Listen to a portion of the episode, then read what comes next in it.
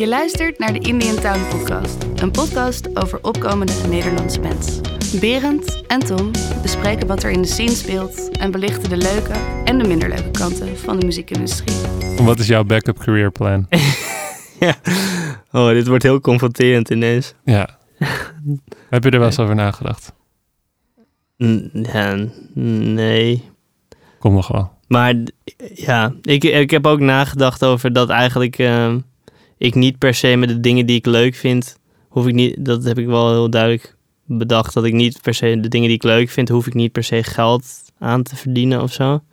Dus ik vind het prima, dat heb ik ook al geloof ik in, gezegd in die podcast met Jasper, maar ik vind het prima om eh ernaast kutwerk te doen als ik soort van de rest van mijn vrije tijd soort Ja. van aan, aan leuke dingen kan werken. Ja. Ik wil niet zoals die soort van hele wijze oudere guy klinken, want ik ben maar een paar jaar ouder. Ja. Maar op een gegeven moment dan word je wat ouder. En dan zijn er ook wel dingen dat je denkt van... Oh, misschien wil ik over vijf jaar wel Een huis. een huis kopen of zo, weet je wel. En dan ga je toch over dat soort dingen nadenken. Ja. Over zekerheid en vastigheid. Gewoon omdat je anders niet echt verder kan. Maar dat, is dat niet gewoon alleen maar omdat mensen om je heen dat hebben, dat je dan eh, daar, dat je daar jaloers op wordt of zo? Want dat is denk ik allemaal, zeg maar nu denk nee, ik... het is ook gewoon nice om niet zorgen te, over, te hoeven maken over geld.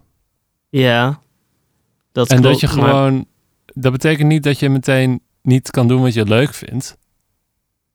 Hmm, tot een Het is- nou, het is- zekerheid en Voor mij vrijheid. ligt de- die, die soort wel- van magic middenweg in ook dingen doen die ik leuk vind. Dat hoeft niet dat het betekent dat het, dat het altijd leuk hoeft te zijn. Maar in ieder geval niet dat ik het echt kut vind, het werk dat ik doe. En dat je er ook op een goede manier geld mee kan verdienen. Ja. En dat kan echt op... Je, kan echt, je vindt echt meer dingen leuk dan je denkt. Oh, ik vind maar- sowieso heel veel dingen leuk, Ja, dus dat is nice. Ja, oké. Dat is nice, maar in ieder geval zit er nu niet echt een, eh, bij mij, er zit bij mij nu niet een, Ja. een druk op van, eh, ik wil eh, over een jaar iets, een baan hebben die ik echt heel leuk vind of zo. Want ik nee, denk, maar een jaar is best kort. Maar ik bedoel zeg maar echt over tien jaar. Ja, nee, dat, is, dat zie ik dan inderdaad wel weer. Maar het is wel goed om dat te zijn. plannen hoor. Ja, van- je hoeft het niet te plannen, maar je kan er wel over nadenken. Want zeg maar, hoe, hoe, hoe meer je daarover nadenkt, Ja. of hoe eerder je daarover nadenkt, hoe, hoe waarschijnlijker het ook is dat het gaat gebeuren. Ja. Maar wat ik ook, ik, dit is echt heel stom, het, het lijkt mij die- gewoon het, het kutste als ik dan zeg maar in mijn 30s ben. En dan dat ik dan die guy ben die nog elke dag soort van in de studio van... Oh, deze, deze single wordt echt vet. Zeg maar dat, dat Maar- ik dat- terwijl iedereen soort van living the life. Zit in Thailand, Bali. Ja, maar dat is het ding. Dan vergelijk je dus wel je leven weer met levens van anderen. Ja, maar dan heb ik meer... Ik zou dat leven ook willen. Op een gegeven moment wel. Dat je dan daar minder zorgen over hoeft te maken. Dat je dan denkt van... Nou, ik kan een keer chill nice vakantie... zonder dat ik hoef, echt hoef te kijken naar de prijs of zo. Dat soort dingen. Tuurlijk, dat wil je toch? ja. Niet omdat andere mensen dat willen... maar omdat het wel heel nice is om te doen. Ja, op een zekere zin clasht vrijheid gewoon met zekerheid. En tot nu toe heb ik Ja. gewoon echt geen behoefte aan zekerheid. Ik bedoel, ik woon anti-kraak. Nee, dat snap ik wel. Maar Ja, over geld eh, gesproken... eh, er is een soort van eh, storm in een glas water ontstaan... in de muziekindustrie... over een filmpje van het UWV... Oh ja, daar gaan we het over hebben inderdaad. Ja, ja. En jij wilde het daar heel graag over hebben. Nou, ik dacht gewoon, dat, is, dat komt weer heel erg overeen. Gewoon met... eh, Waar we het hiervoor over hadden. ja, en dit, had, dit was niet eens gepland, dit gesprek over, Nee. over carrières en geluk en zo. En eh, money en dat soort dingen. Maar eh kwaad sluit heel erg aan op een soort van alle... We, we hebben, zeg maar, dit is wel een soort van podcast voor opkomende acts en zo. En heel veel opkomende acts die hebben gestudeerd aan een popopleiding. Ik, de- ik kan echt denk ik wel zeggen Ja. dat als ik naar een bandavond ga, dat de bands die daar spelen, daar is echt gewoon in ieder geval drie kwart komt vaak van, van een popopleiding of zo. Ja. Van de HBA of PACT of het conservatorium. Er zijn er je, ook en het ding, je hebt er dus veel. nog veel meer inderdaad, Zo. waar ik, nog, waar ik nog nooit van heb gehoord. ROC en zo. Ja. Dat heb je ook. Ja, en dit, dit ging daar heel erg over. En, in, en mijn hele Facebook-tijdlijn stond er vol mee. En iedereen heeft er een mening over. En eh, ik vind het wel een heel interessant onderwerp. Want eh, ja, het was dus inderdaad... Ja, leg het even uit wat Ja, het UWV, dat is, oké, dat is gewoon een organisatie die, eh, dingen doet met uitkeringen en dingen als duo en zo. En die hadden een filmpje op Twitter gezet dat ze mensen, eh, voor, die voorbijlopende mensen gewoon vroegen van wil jij economie of eh, nee, econo- econometrie was het geloof ik, Ja, studeren econometrie. of muziek. En dan zeiden Want ook Van- heel algemeen. Ja. Dat je zegt muziek. Het is ja. dat er één opleiding muziek is. En ze vroegen ook een aan vier je- random ass mensen of zo. Het waren niet, het waren ook niet echt, ja, Ik doe, wat doe jij? Ik doe een universiteitsstudie taal. Zeg maar, zo is het een beetje. ja. en ze vroegen het ook een beetje, zeg een maar. beetje aan blanco mensen of zo. Ze vroegen niet aan een, aan iemand waarvan ik dacht van, joh, jij, jij hebt echt eh, een hele visie over wat je, eh, wat je wil gaan doen of zo. Het waren een beetje, tenminste, ja, het klinkt natuurlijk heel eh, algemeen, maar dat, dat, dat was mijn, zo kwam het op mij over. En in ieder geval, heel veel mensen zeiden alsnog van, ik wil muziek doen.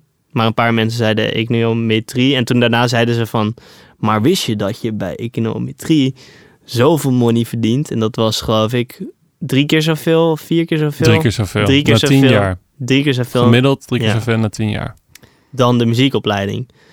Maar het, het grappigste wat ik vond is dat nog steeds gewoon iedereen zei van... Nou, één iemand die zei geloof ik van... Oh nee, dan die andere. Maar de anderen zeiden gewoon... Ja, Nou nee, muziek is eh, nog steeds muziek, weet je wel. ja. Eh, maar, maar, dat, is niet waar iedereen over viel. Nou, iedereen viel over de dat- boodschap. ja, over de boodschap van geld eh, is belangrijk en je passie is blijkbaar niet belangrijk of zo. Tenminste, het is Ja, wel... En de rol van het UWV daarin. Ja, want dat... Oké, daar, daar komt eigenlijk mijn hele mening ervan naar voren. Ik vind het eigenlijk helemaal niet erg dat iemand dit zegt of zo. Ik vind het misschien zelfs wel goed. Maar inderdaad, waarom het UWV dit heeft uitgebracht, vraag ik Ja, heel erg ik af. denk dus dat zij gewoon op een soort van agenda hebben staan van we willen meer ehm, bewustzijn creëren over de so- soort van financiële gevolgen eh, van de keuze van je studie, van je zou- studiekeuze. Zou dat komen omdat ze bijvoorbeeld heel veel muzikanten hebben die uitkering trekken of zo?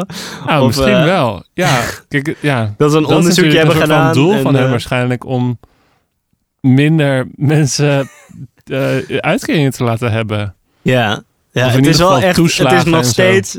Vind ik dat dan wel heel direct of zo. Van, Ja, of het is, ook het is ook bijna een soort van heel dom manipulatief, weet je wel? Van, eh, oh, dan moeten we Ja. een filmpje maken waarin we vertellen dat je heel weinig verdient als muzikant. Ja. Maar dat is een beetje het ding wat ik denk, waarom ik ook weer denk dat zo'n filmpje goed is. Eh, mensen die dit filmpje zien en daarna denken, oh, dan doe ik niet muziek.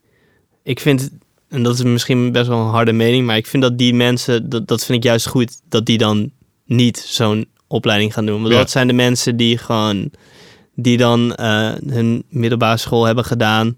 En ze vonden eigenlijk niet zoveel leuk. Het enige wat ze leuk vinden is af en toe een liedje zingen van Katy Perry of van weet ik veel wat.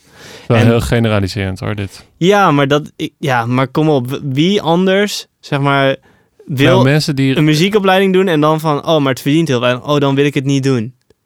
Zeg maar, Nou, wie, wie denkt er zo na? Het gaat over een soort van harde cijfers. Ik heb voordat ik aan mijn opleiding begon, heb ik niet een soort van eh, tabel gezien van na vijf jaar verdien je gemiddeld dit. Hm, Na tien jaar verdien je gemiddeld dit.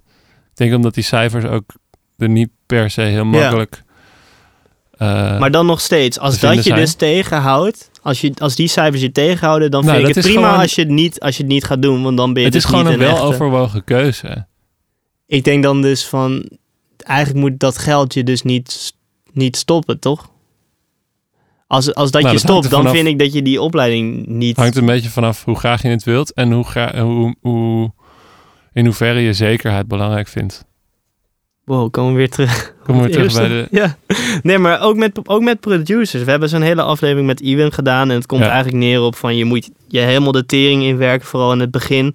Voordat je eindelijk soort van echt een, eh, een beetje een geldstroom. eh, of tenminste een beetje een, een steady inkomen krijgt en zo. Ook voordat je een bepaalde kwaliteit bereikt. Waar mensen voor willen betalen, Ja, denk ik. ja inderdaad. Dat Dan ook. ben je echt wel vijf, zes jaar verder. Ja, maar als mensen totaal niet zeg maar, dat willen doen, dan vind ik dat die ook niet die opleiding moeten, moeten doen of zo. Nee, dat is wel Als waar. mensen zeg maar, klaar zijn met die opleiding van... oké, nu gaat het verdienen beginnen... nadat ik vier Ja. jaar lang eh, dingen, geld heb uitgegeven... en dingen heb zitten leren... dan denk ik van ja, dan, dan neem je het blijkbaar toch niet zo serieus als je... Ja, Ja. dit, dit is natuurlijk een hele... wat ik zei, een mening van... oké, dan moet je het niet doen. Want dat, dat is ook gekoppeld aan... eh, er, er kwam een hele Facebookpagina bij... Ja, ja, ja. opgezet door... Nou, ik weet ik- eigenlijk niet eens wie, maar... daar kom ik zo op. oh, oké. Ik, ik, ik ben het totaal niet eens met soort van de boodschap van het UWV. Maar Dus zeg maar dat. Wat, wat, Oké, wat zie jij als de boodschap van het UWV?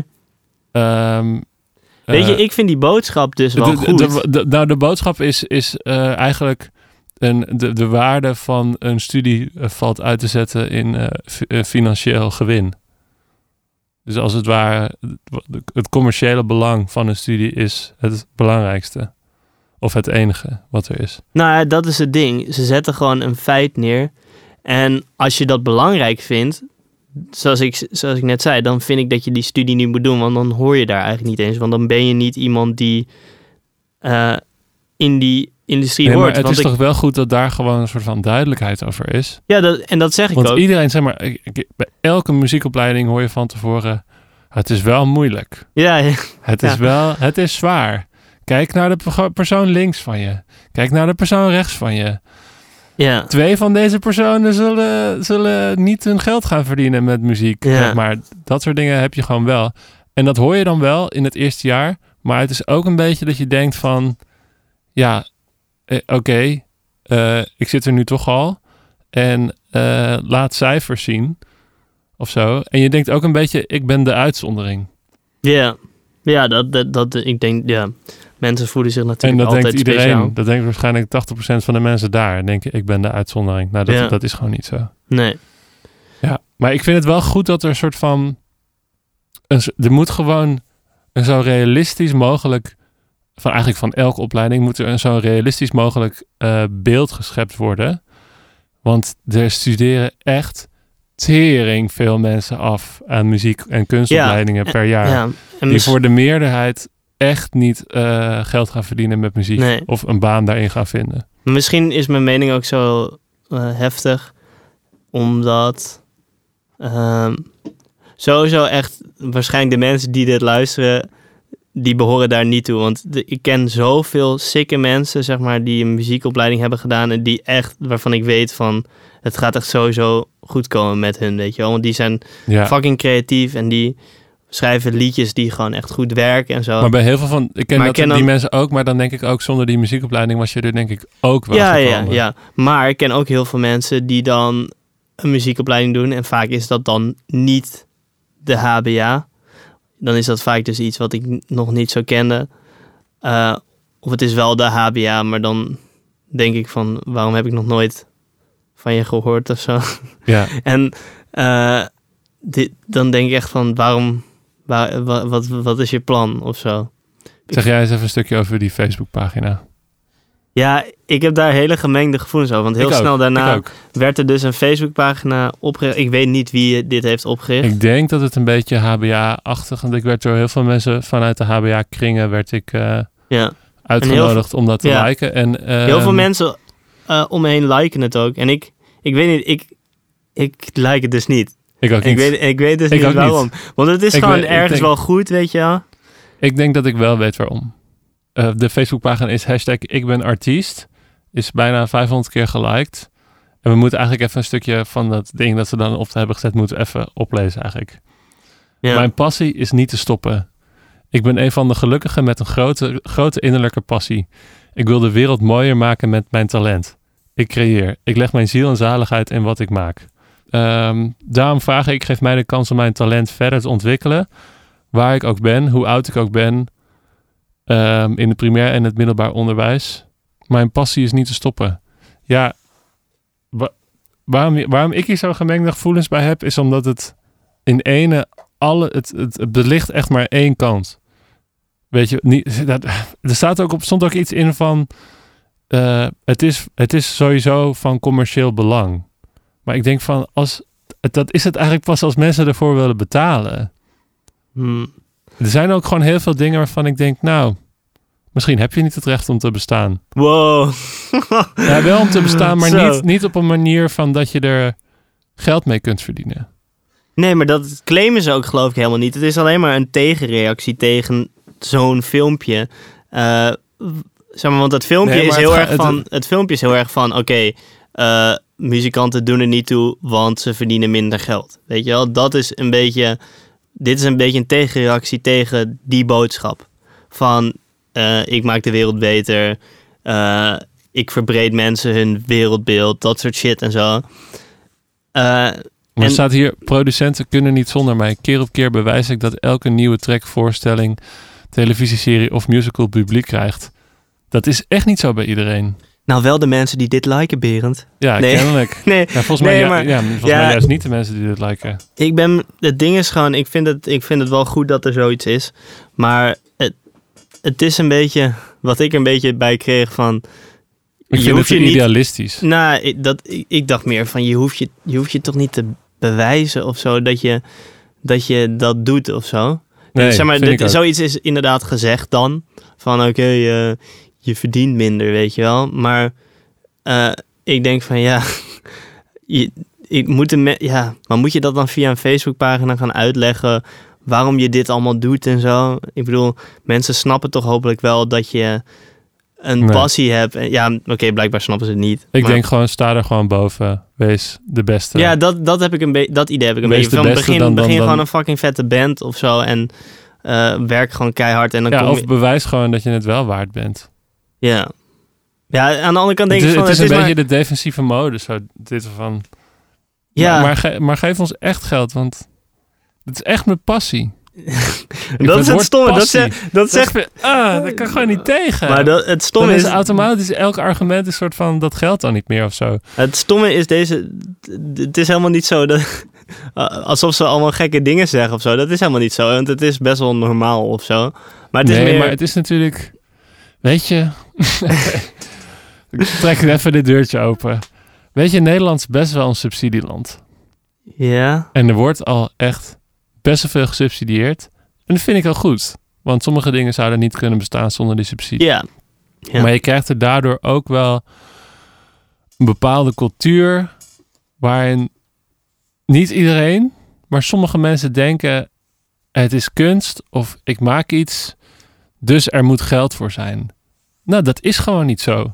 Sommige dingen Hmm. zijn gewoon, ze hebben gewoon niet genoeg draagvlak om te bestaan.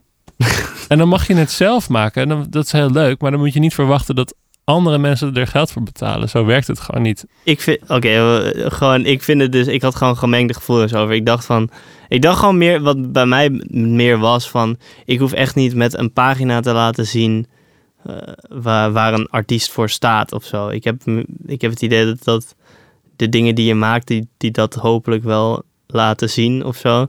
Ja, er zijn natuurlijk wel heel veel familieleden die dan zeggen van, eh, en eh, verdient dat al een beetje, zo'n band en zo. Dat je denkt van, bro... Hij bek. Ja, je bek, je wil niet eens weten. taart snijden, sukkel. Ja, Jezus. inderdaad. Maar Geef chips. ja. Maar goed, ik vind dan een, een Facebookpagina niet de beste manier om. Ik was vooral niet eens met de boodschap. Maar we gaan verder. ja, moving on. Nou, ik, vond, ik hoop niet dat we het eh, negatief waren. We zijn nooit te negatief. We Dat zijn hoop nooit te ik. neg- Jij denkt dat we te negatief zijn. Maar dat is waarom mensen, deze mensen die dit luisteren, die willen gewoon een, Die, willen een, eerlijk- brede, een bredere blik op de wereld. een eerlijke stem. Die willen die oogkleppen, die worden afgewapperd. De red pill willen ze nemen. Lubach, Ja. ja. Oké, nee. eh, heb je gisteren gekeken? Eh, nee, want ik kijk weinig televisie. Maar het was, ik kwam natuurlijk kwam het op mijn YouTube-feed. Hij stelde vragen aan het publiek. En toen stelde iemand de vraag, hoe zie je de toekomst van het kapitalisme? En toen ging je dan een fucking lange pitch houden en zo, met allemaal presentaties en zo. En gewoon een classic Lubach eh, item. Maar in ieder geval, hij, ehm, hij pakte gewoon een aantal grote bedrijven en het was eigenlijk een soort van eh, een, eh, een, een, een, een, een item over monopolies en zo en hoe slecht dat eigenlijk is. Dat, het, dat er eigenlijk een grens zit aan kapitalisme. eh, van, door bedrijven die te groot worden En eigenlijk een soort van de regels schrijven voor de hele branche. En kleine bedrijven gewoon letterlijk weg. maken. Ja, alles kapot maken inderdaad. Daar komt het om neer. De Google, eh, Amazon, Ja, YouTube. maar dat is het ding. Toen zei hij dan ineens van... Ja, je weet wel, eh, Amazon, Google inderdaad, wat jij net zegt. En eh, natuurlijk Spotify. En toen dacht ik echt van... huh, Spotify? Spotify, is dat een... Amazon. Ama- ja, nee, ik dacht Amazon. dacht ik, ja, dat natuurlijk. was van het filmpje. Maar Wat? Amazon? Amazon, oké. Heb je dat niet gezien? Nee? We gaan het straks nog even kijken. Oké. Dat is grappig.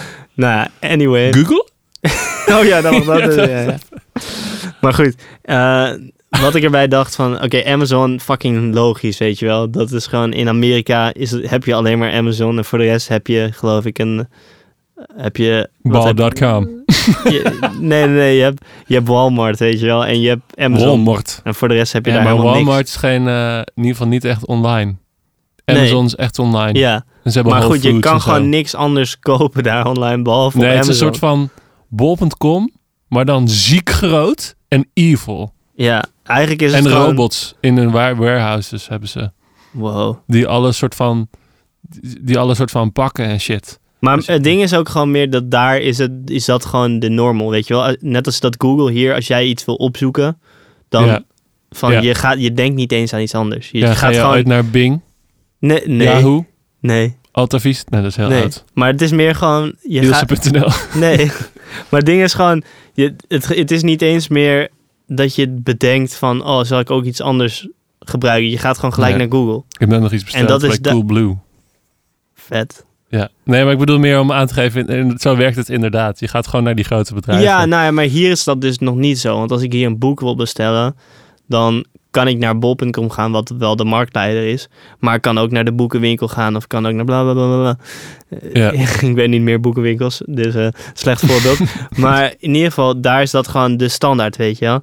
En zoals hij dan zo Spotify daartussen noemde, dacht Ja. ik echt van... Oké, ik heb Spotify en bijna al mijn vrienden hebben Spotify.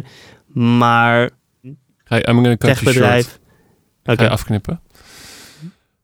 Waarom zou Spotify niet groot willen worden? Ja, maar dat willen ze ook wel. Maar Ja. meer van, dat, dat kunnen ze niet zomaar. Want er zijn gewoon heel veel bedrijven nu in de battle. En dat is precies wat kapitalisme Maar ze is. zijn hard bezig hoor. Ja, tuurlijk. Jij hebt het, eh, zeg maar, het ging ook heel erg over dat venture capital. Ja, Nou, Spotify eh, is ook gewoon een beurs genoteerd.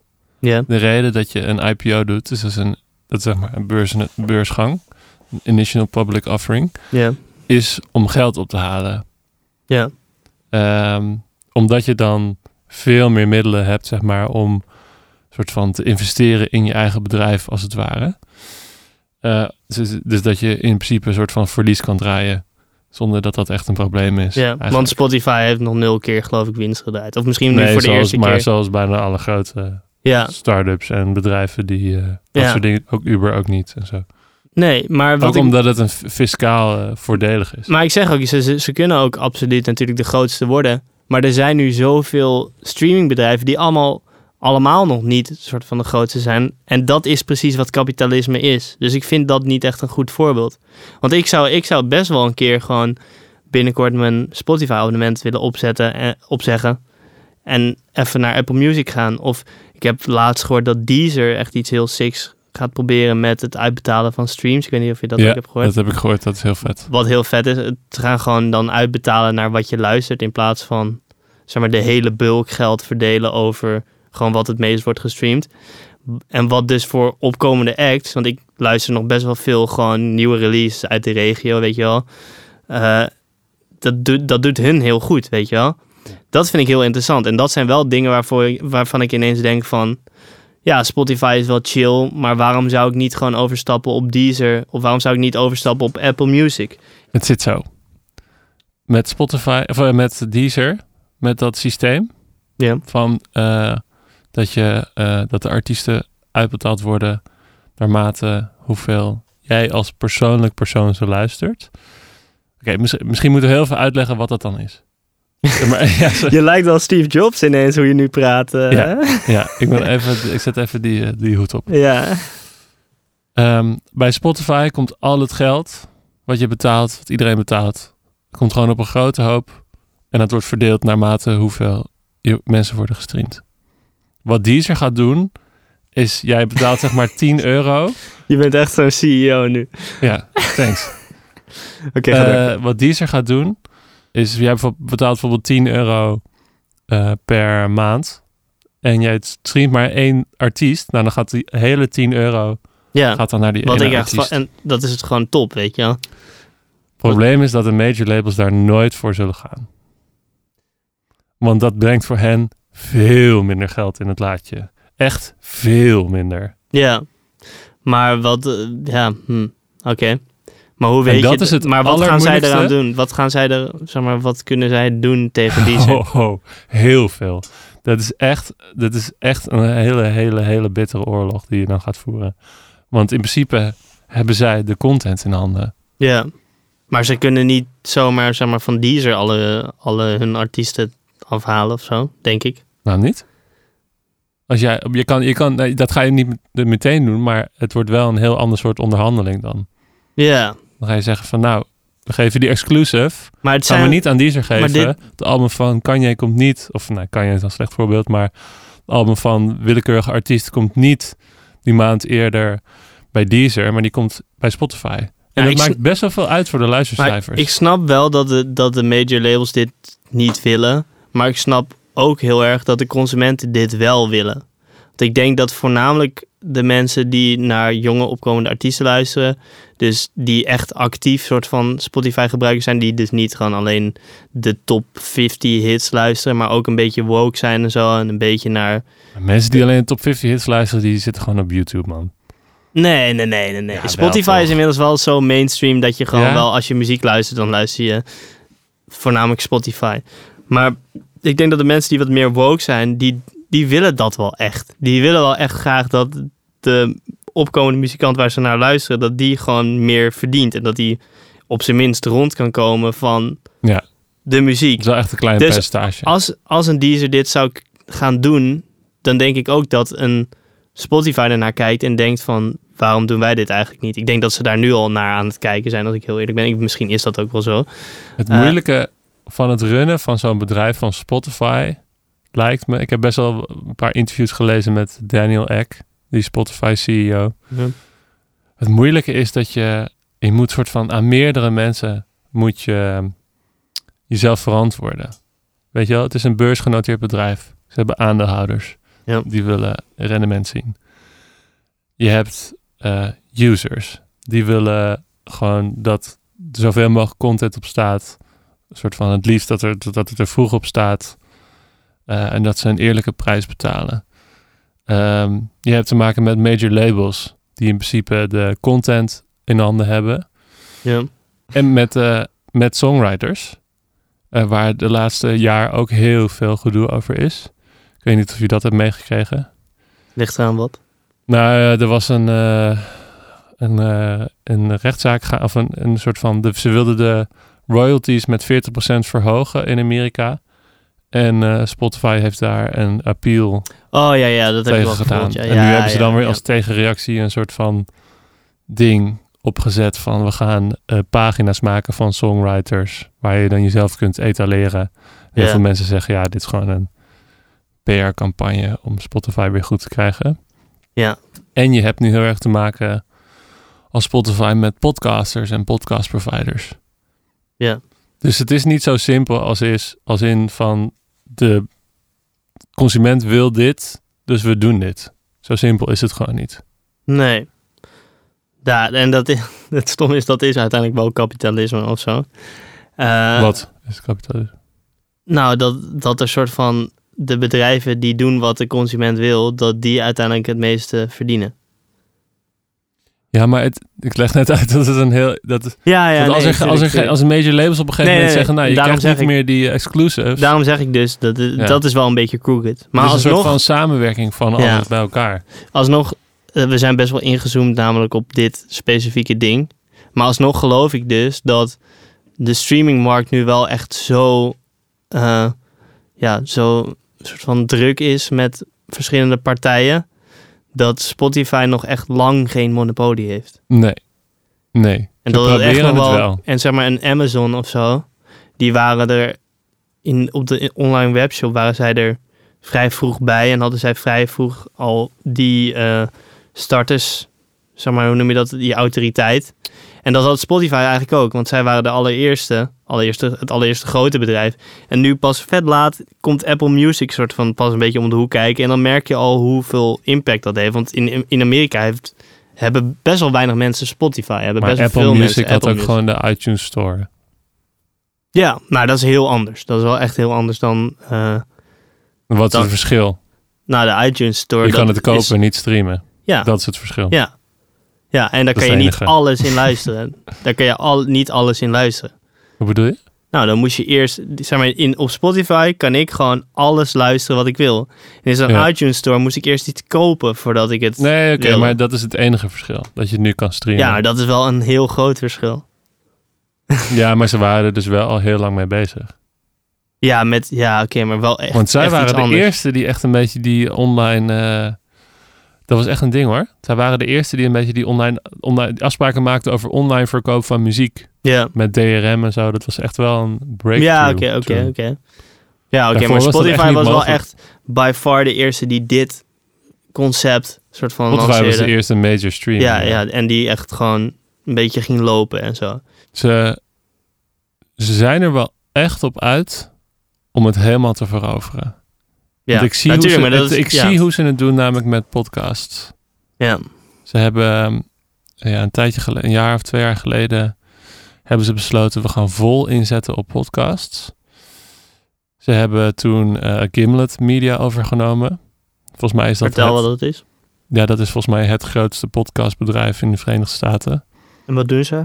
Zij maken podcasts zoals bijvoorbeeld Reply All. Ja. Heel bekende, heel leuke Gewoon een productiebedrijf dus. Eh, ja, ja, gewoon zij maken podcasts. Ja. Ehm, en ze hebben eh Anchor overgenomen.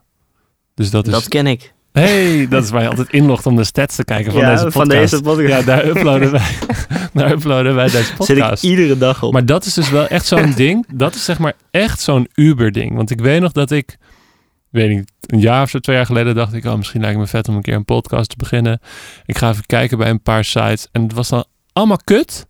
of het was zeg maar met ads, of ze deden allemaal met slechte bitrate, of je kon maar 30 minuten uploaden. Of je moest dan meteen een soort van paar dollar per maand betalen. En bij Anchor, wat er dan nu is, dan dacht ik, wow, je ziet meteen dat Spotify dit heeft overgekocht.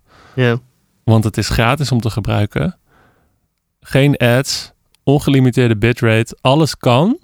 Ja. Omdat er dan zo'n Spotify achter zit met geld. Ja. Dus in één klap zijn al die andere sites waardeloos. Maar goed. Ja. Ik wil nog één ding, iets vet zeggen over Spotify. Vet. En ja, vet, ja, dat vind je leuk dat ik Ja. weer positief ga zijn. Jee, Berend is positief. Maar jarenlang hadden ze geen credits. Hoe bedoel je credits? Nou, je kan als je rechtermuisknop doet of op die drie puntjes op je mobiel, dan kan je eh, zien show. Dan klik je op show credits. Oh ja, dit is en dat altijd ding. als ja. ik daarop kijk, dan zeg jij: jij bent de enige die je kent die daarop kijkt. Fucking veel mensen kijken erop. Wow, Fucking veel mensen. Doe eens rustig. Nee, ja, oké. nee, wat Berend Ik- bedoelt is dat je zeg maar naar een nummer gaat en dan heb je ergens een Dan knopje kijk je wie dan het heeft je- geschreven. En wie kijk het je wie heeft het heeft gemaakt, geproduceerd. Ja. Zoals vroeger altijd in de CD stond. Iets dat dus gewoon op een gegeven moment gewoon Maar dat weg is ook- was. ja, maar dat is ook een ding. Niemand keek daarnaar, daarom hebben ze dat weggehaald. Dat is fucking belangrijk, man. Ik, ik, ik meen het echt. We hebben het hier wel eens vaker over gehad. Maar als je een film ziet en je hebt geen credits daarna. What the fuck? Dat heb je toch ook? Ja, maar als Het is belangrijk om gewoon de mensen die eraan hebben meegewerkt te laten zien. Dude, als je aan mijn kant zou staan, je zou het echt met me eens zijn. Ja, oké. Ja, oké. Want ik Ik, vind ik overdrijf het ook een beetje, maar... Ja, dat is goed. Want ik, ik las dus daarover. Um, the streaming platform began publicly displaying song credits in 2018 and claims to have claims to have seen a 60% increase in how often labels and distributors credit songwriters on their new releases. Maar in, welke, in welke zin dan? Dat nou, dat, labels en, eh, en distributors dus 60% vaker het er ook opzetten. Waarop? Op Spotify van deze persoon heeft dit geproduceerd, deze persoon heeft dit geschreven. Maar ze deden het in 2018, daarvoor hadden ze, hadden ze die credit mode niet, zeg maar. Ja, de, als je dan eh, songs aanleverde bij een distributor, dan kon, je, dan kon je dat wel invullen, maar je kon het ook gewoon leeg Oh. laten. Maar nu weten mensen dat het erop staat. Ja. Maar dat die functie er is, is het ook logischer dat je het doet omdat het kan. Ja, in principe kan je natuurlijk ook gewoon altijd al doen. Gewoon, gewoon als een normaal persoon. ja, ik vind Ja, het gewoon echt belangrijk. Ja, ik, ik merk Want het. anders dan is er gewoon geen manier om uit te zoeken wie het heeft gemaakt. Ja. Weet je wel? En dat is serieus nog steeds best wel... Maar er zijn ook heel veel bands die dat helemaal bron- niet doen, hè? Wat? Vooral de bands in Amsterdam en zo. Ja, Die, die doen het niet eens. Als je dan een show maar dan kom je er dus nooit staat er achter als je iets... Stel je voor, ja, jij hoort iets dat in, in Nederland is geproduceerd... en je denkt, wow, dit klinkt echt fucking sick. En je kent die band niet persoonlijk. Ja. Hoe kom je er dan achter wie dat dan heeft gemaakt? Dan moet je een soort van gaan googlen of Ga iets. ik naar Facebook. Hoe makkelijk het... Ja, prima. Maar dan moet er maar net... Misschien is het wel een soort van kluisenaar... oh, In Maar een jij soort van bedoelt- kelder die, die het heeft geproduceerd. Maar jij bedoelt dat als ik, als ik een band ontdek en ik check dan de credits, dat ik dan zeg maar Casper eh, Casper van eh, Amsterdam zie staan. Dat ik dan denk van, oh wow, hij is Nederlands. Dat bedoel je? Nee, je weet natuurlijk wel dat het een Nederlandse band is. Maar dat je dan ziet Casper van Amsterdam. Dat je denkt, wow, wie de fuck is deze guy? Ik ken hem niet. Ik wil ook met hem opnemen. Oh, ja, oké. Ja, dat is gewoon heel erg het ding. Zeg maar, jij ziet het heel erg vanuit de producers. Ja, gek hè? Jezus. ja, oké, nee. eh, oké. Oké, we gaan door. Hebben we nog dingen? ik- ja, Gerard Joling had ik nog. Maar ik denk dat ik dat gewoon laat zitten. Nou, je kan het best ik zeggen. adviseer iedereen om even het hoestincident bij Koffietijd te kijken. Er is iemand dood gegaan. Wie is er dan dood gegaan? Nee, dan, dan pas gaan mensen het kijken. Anders gaan ze toch niet kijken. het hoestincident bij koffietijd. Heb je, heb je, heb je het toch een stukje Ja, gezien? ik heb het je hebt gezien. Nou goed. Het zit zo. Gerard Joling, die trad op bij Koffietijd. Ja, Gerard Hij Joling... trad op bij koffietijd. Daar gaat al... Gerard, vind hey, ik, heb, ik ben ook een keer bij Koffietijd geweest, ja. Even dim over Koffietijd. Oh, oké. Gerard Joling trad op bij Koffietijd. En Gerard Joling is natuurlijk gewoon een tape-act. Als in alles staat op de band. Ja. Nou, ja, wat er gewoon gebeurde. Maar kan je bij koffietijd wel gewoon... Want jij bent een producer, dus jij weet dat. Kan je daar gewoon komen met je backline en je toch weer helemaal, toch helemaal uitweiden over Koffietijd. Nou, zal ik het even uitleggen? Ik was met de band Bungalow. Ik was een soundtech. En je bent met hun naar koffietijd geweest? Ja? What the fuck? dat wist ik dus echt helemaal niet. Ja, en we moesten fucking vroeg daar zijn. En het was ja, want in het is om acht uur of zo. Ja, dus wij moesten om vijf. Ik moest echt om vijf uur uit mijn bed of zo. Wow. Ehm, ja, dat zijn geen muzikantentijden. Ehm en het was in het huis van de Gouden Kooi. Dat is, dat is tegenwoordig is het ergens anders, maar... eh, Het is een groot huis, het is mooi. en eh, we hadden acht kanalen. Acht kanalen. Ja, Oei. acht inputs. We made it work. Gewoon shit mono zetten. En ja, ja het- we made it work. Maar Gerard Joling heeft natuurlijk veel meer sporen nodig. Ja, want Gerard Joling heeft een heel soort van orkest daarachter. nee, eh, Gerard Joling trad op bij Koffietijd.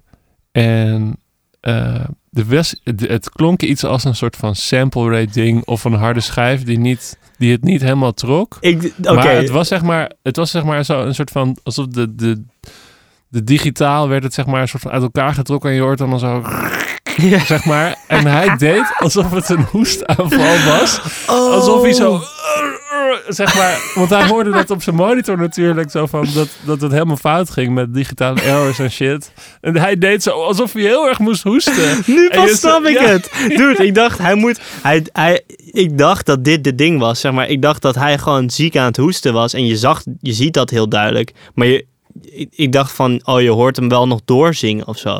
En ik dacht dat mijn laptop gewoon aan het spacen was en dat de Nee. audio ermee kapte. Maar het was dus zo dat de, dat de audio dus vastliep en dat, dat hij deed alsof hij hoest. Oké, dat ik is echt kan, ik kan er wel even een fragmentje instoppen. Ja, ja, doe.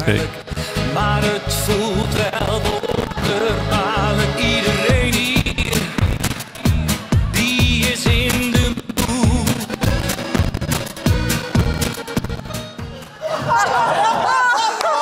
Maar ik wilde het in de podcast zetten omdat ik dacht... Je hebt natuurlijk altijd bands die met backing track spelen. En soms Heb werkt het welke goed. bands?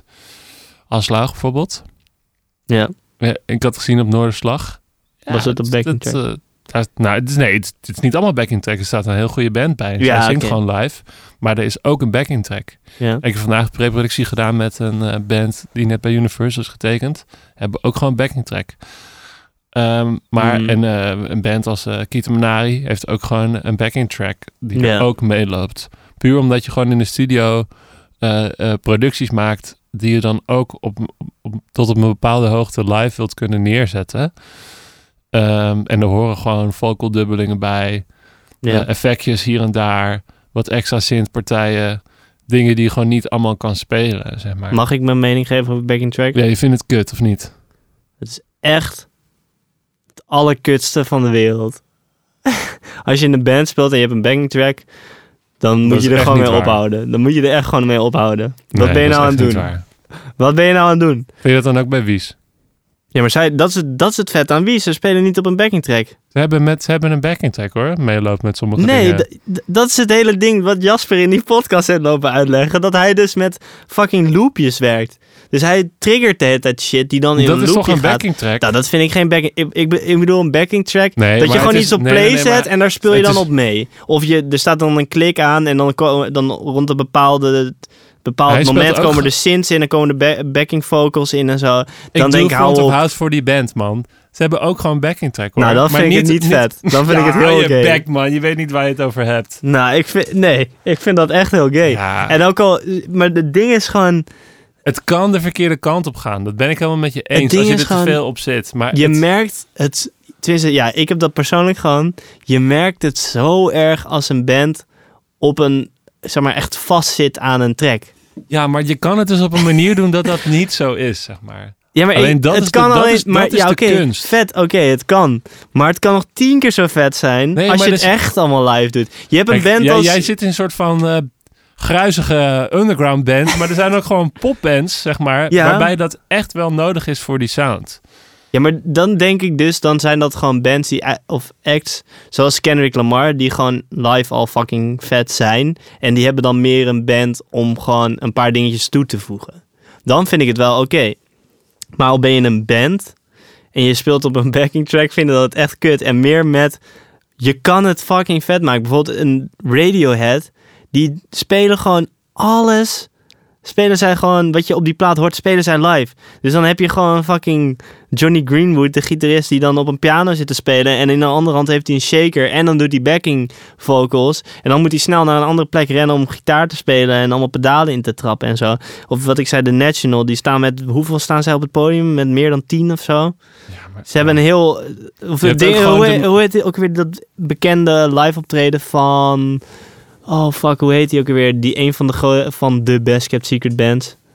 LCD Sound System. Ja, In, eh, wat het, geloof ik is het Ja, Madison Square het Garden. over andere resources, man.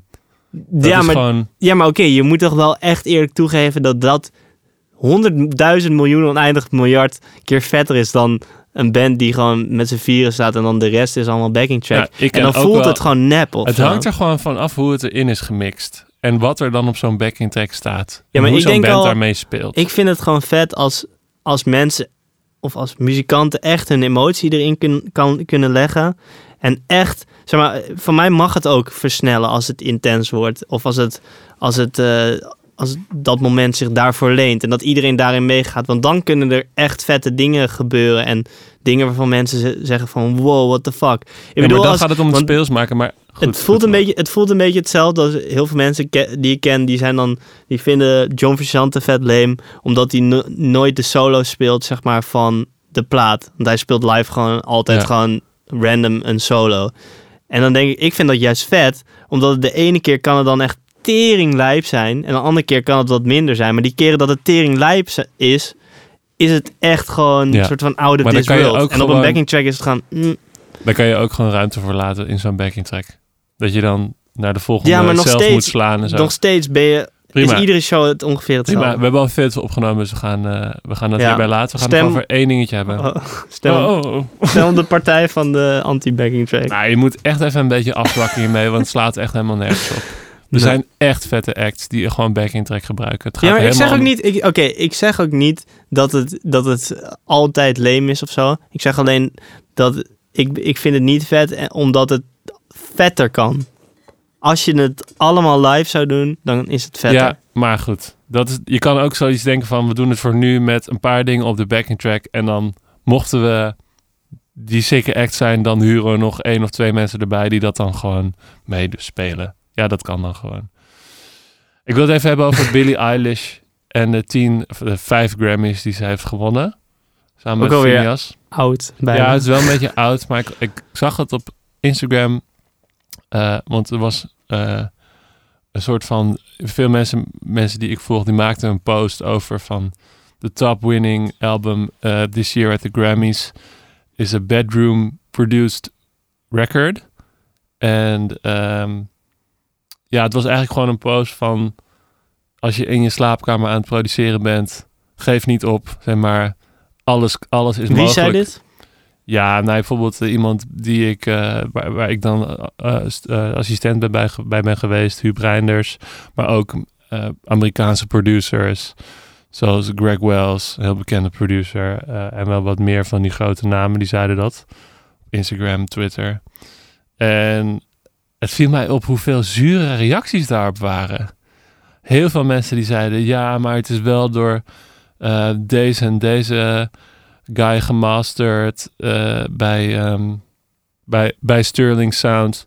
En ehm, ja, eh, het is wel eh, door die en die gemixt. Terwijl ik denk, wat is daar nou weer negatief aan of zo? Ik, ik, ik las gewoon ook wel weer veel guys met denk ik heel veel gear die heel zuur waren over dat ze zoveel gear hadden gekocht, maar toch nog steeds heel weinig talent hadden. Wow, dat is intens. Ja. of gewoon minder geluk hebben of zo. Ja, of Gewoon Billie Eilish heeft. Of gewoon denken, ik koop gear, dus ik ga vette muziek maken. Of op een bepaalde manier. Ja. Maar het, het ding dat ik, ik weet er heel weinig van af, maar in hoeverre is dat, is die, dat album van Billie Eilish ook echt een, een bedroom eh, production, zeg maar? Nou, het is heel, het is, ehm, door die, volgens mij is het door die Phineas, die broer, opgenomen. Samen bij hen, gewoon thuis. Ja. Eh, maar hij heeft gewoon een Apollo, zeg maar, diezelfde interface die ik heb. Ja. En een goede microfoon. De rest is gewoon elektronisch. Nou, misschien Daar is... kan je gewoon eigenlijk alles al mee. En dan moet het goed gemixt worden, goed gemasterd. En dan heb je gewoon een, kan je gewoon een super vette plaat hebben. Ja, misschien voelt het daarom een beetje eh, niet echt of zo. Omdat gewoon, omdat er zijn genoeg inderdaad mensen, producers, eh, die dan dus zien dat je dat dus allemaal niet nodig hebt. En dat, dat zo'n iemand als Billy Eilish dan zo gepromoot wordt door een major label of zo. Ja, maar die wordt zo gepromoot omdat de muziek gewoon heel erg goed is en Ja. heel erg aanslaat. Ja, En niet omdat het met sikke mic is opgenomen. nee, inderdaad, inderdaad. Ik bedoel, je hebt ook die, eh, ik weet niet, eh, dat heb, je vast, dat heb jij vast wel gezien. Ik vond het heel grappig. Je had op YouTube zo'n producer, zo'n guy, en die nam alles op met GarageBand op zijn mobiel. Maar ja, had- dat was die guy van... ehm, was het niet... Was het Kendrick Lamar? ja, Kendrick Lamar. Ja, ja, ja. Dat die vind ik het- echt fucking vet. Ja, Ja, ja. dat, die heeft gewoon een track van Kendrick Lamar, geloof Maar ik. daar zaten ook heel veel mensen van... Ja, dit kan toch niet? Het is toch niet professional? Ik dacht, dit, je begrijpt echt niet waar het om draait. No Ja. one gives a fuck, zeg maar. Met wat voor mic je het hebt opgenomen. Met Ja. wat voor compressor. Ook al neem je het op een fucking dictafoon voice memo, neem je dat op. Ja, als het- als want dat het- is wat als hij het- deed, geloof ik ook. Eh, ja, volgens mij had hij wel een soort van... eh, een, Ja, plug, had een iRig. Ja, zo, hij had echt een, zo'n iRig ja, die je dan Ja. aansluit op je, op je iPhone. En Ja. dan kan je gewoon opnemen. Ja. No one gives a fuck. Als het werkt, het werkt.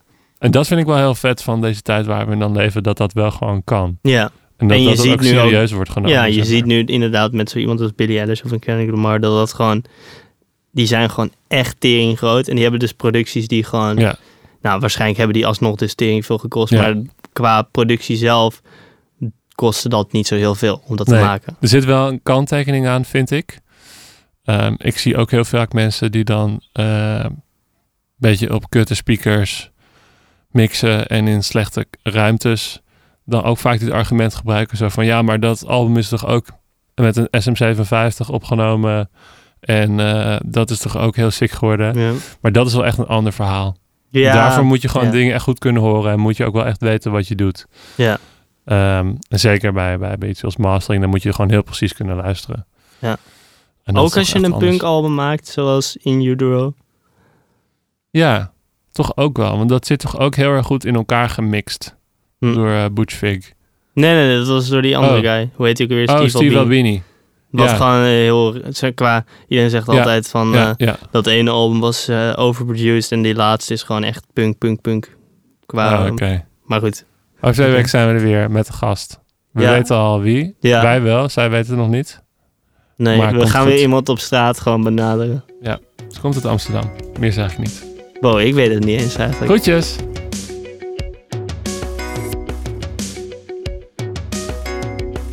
Vond je deze podcast leuk?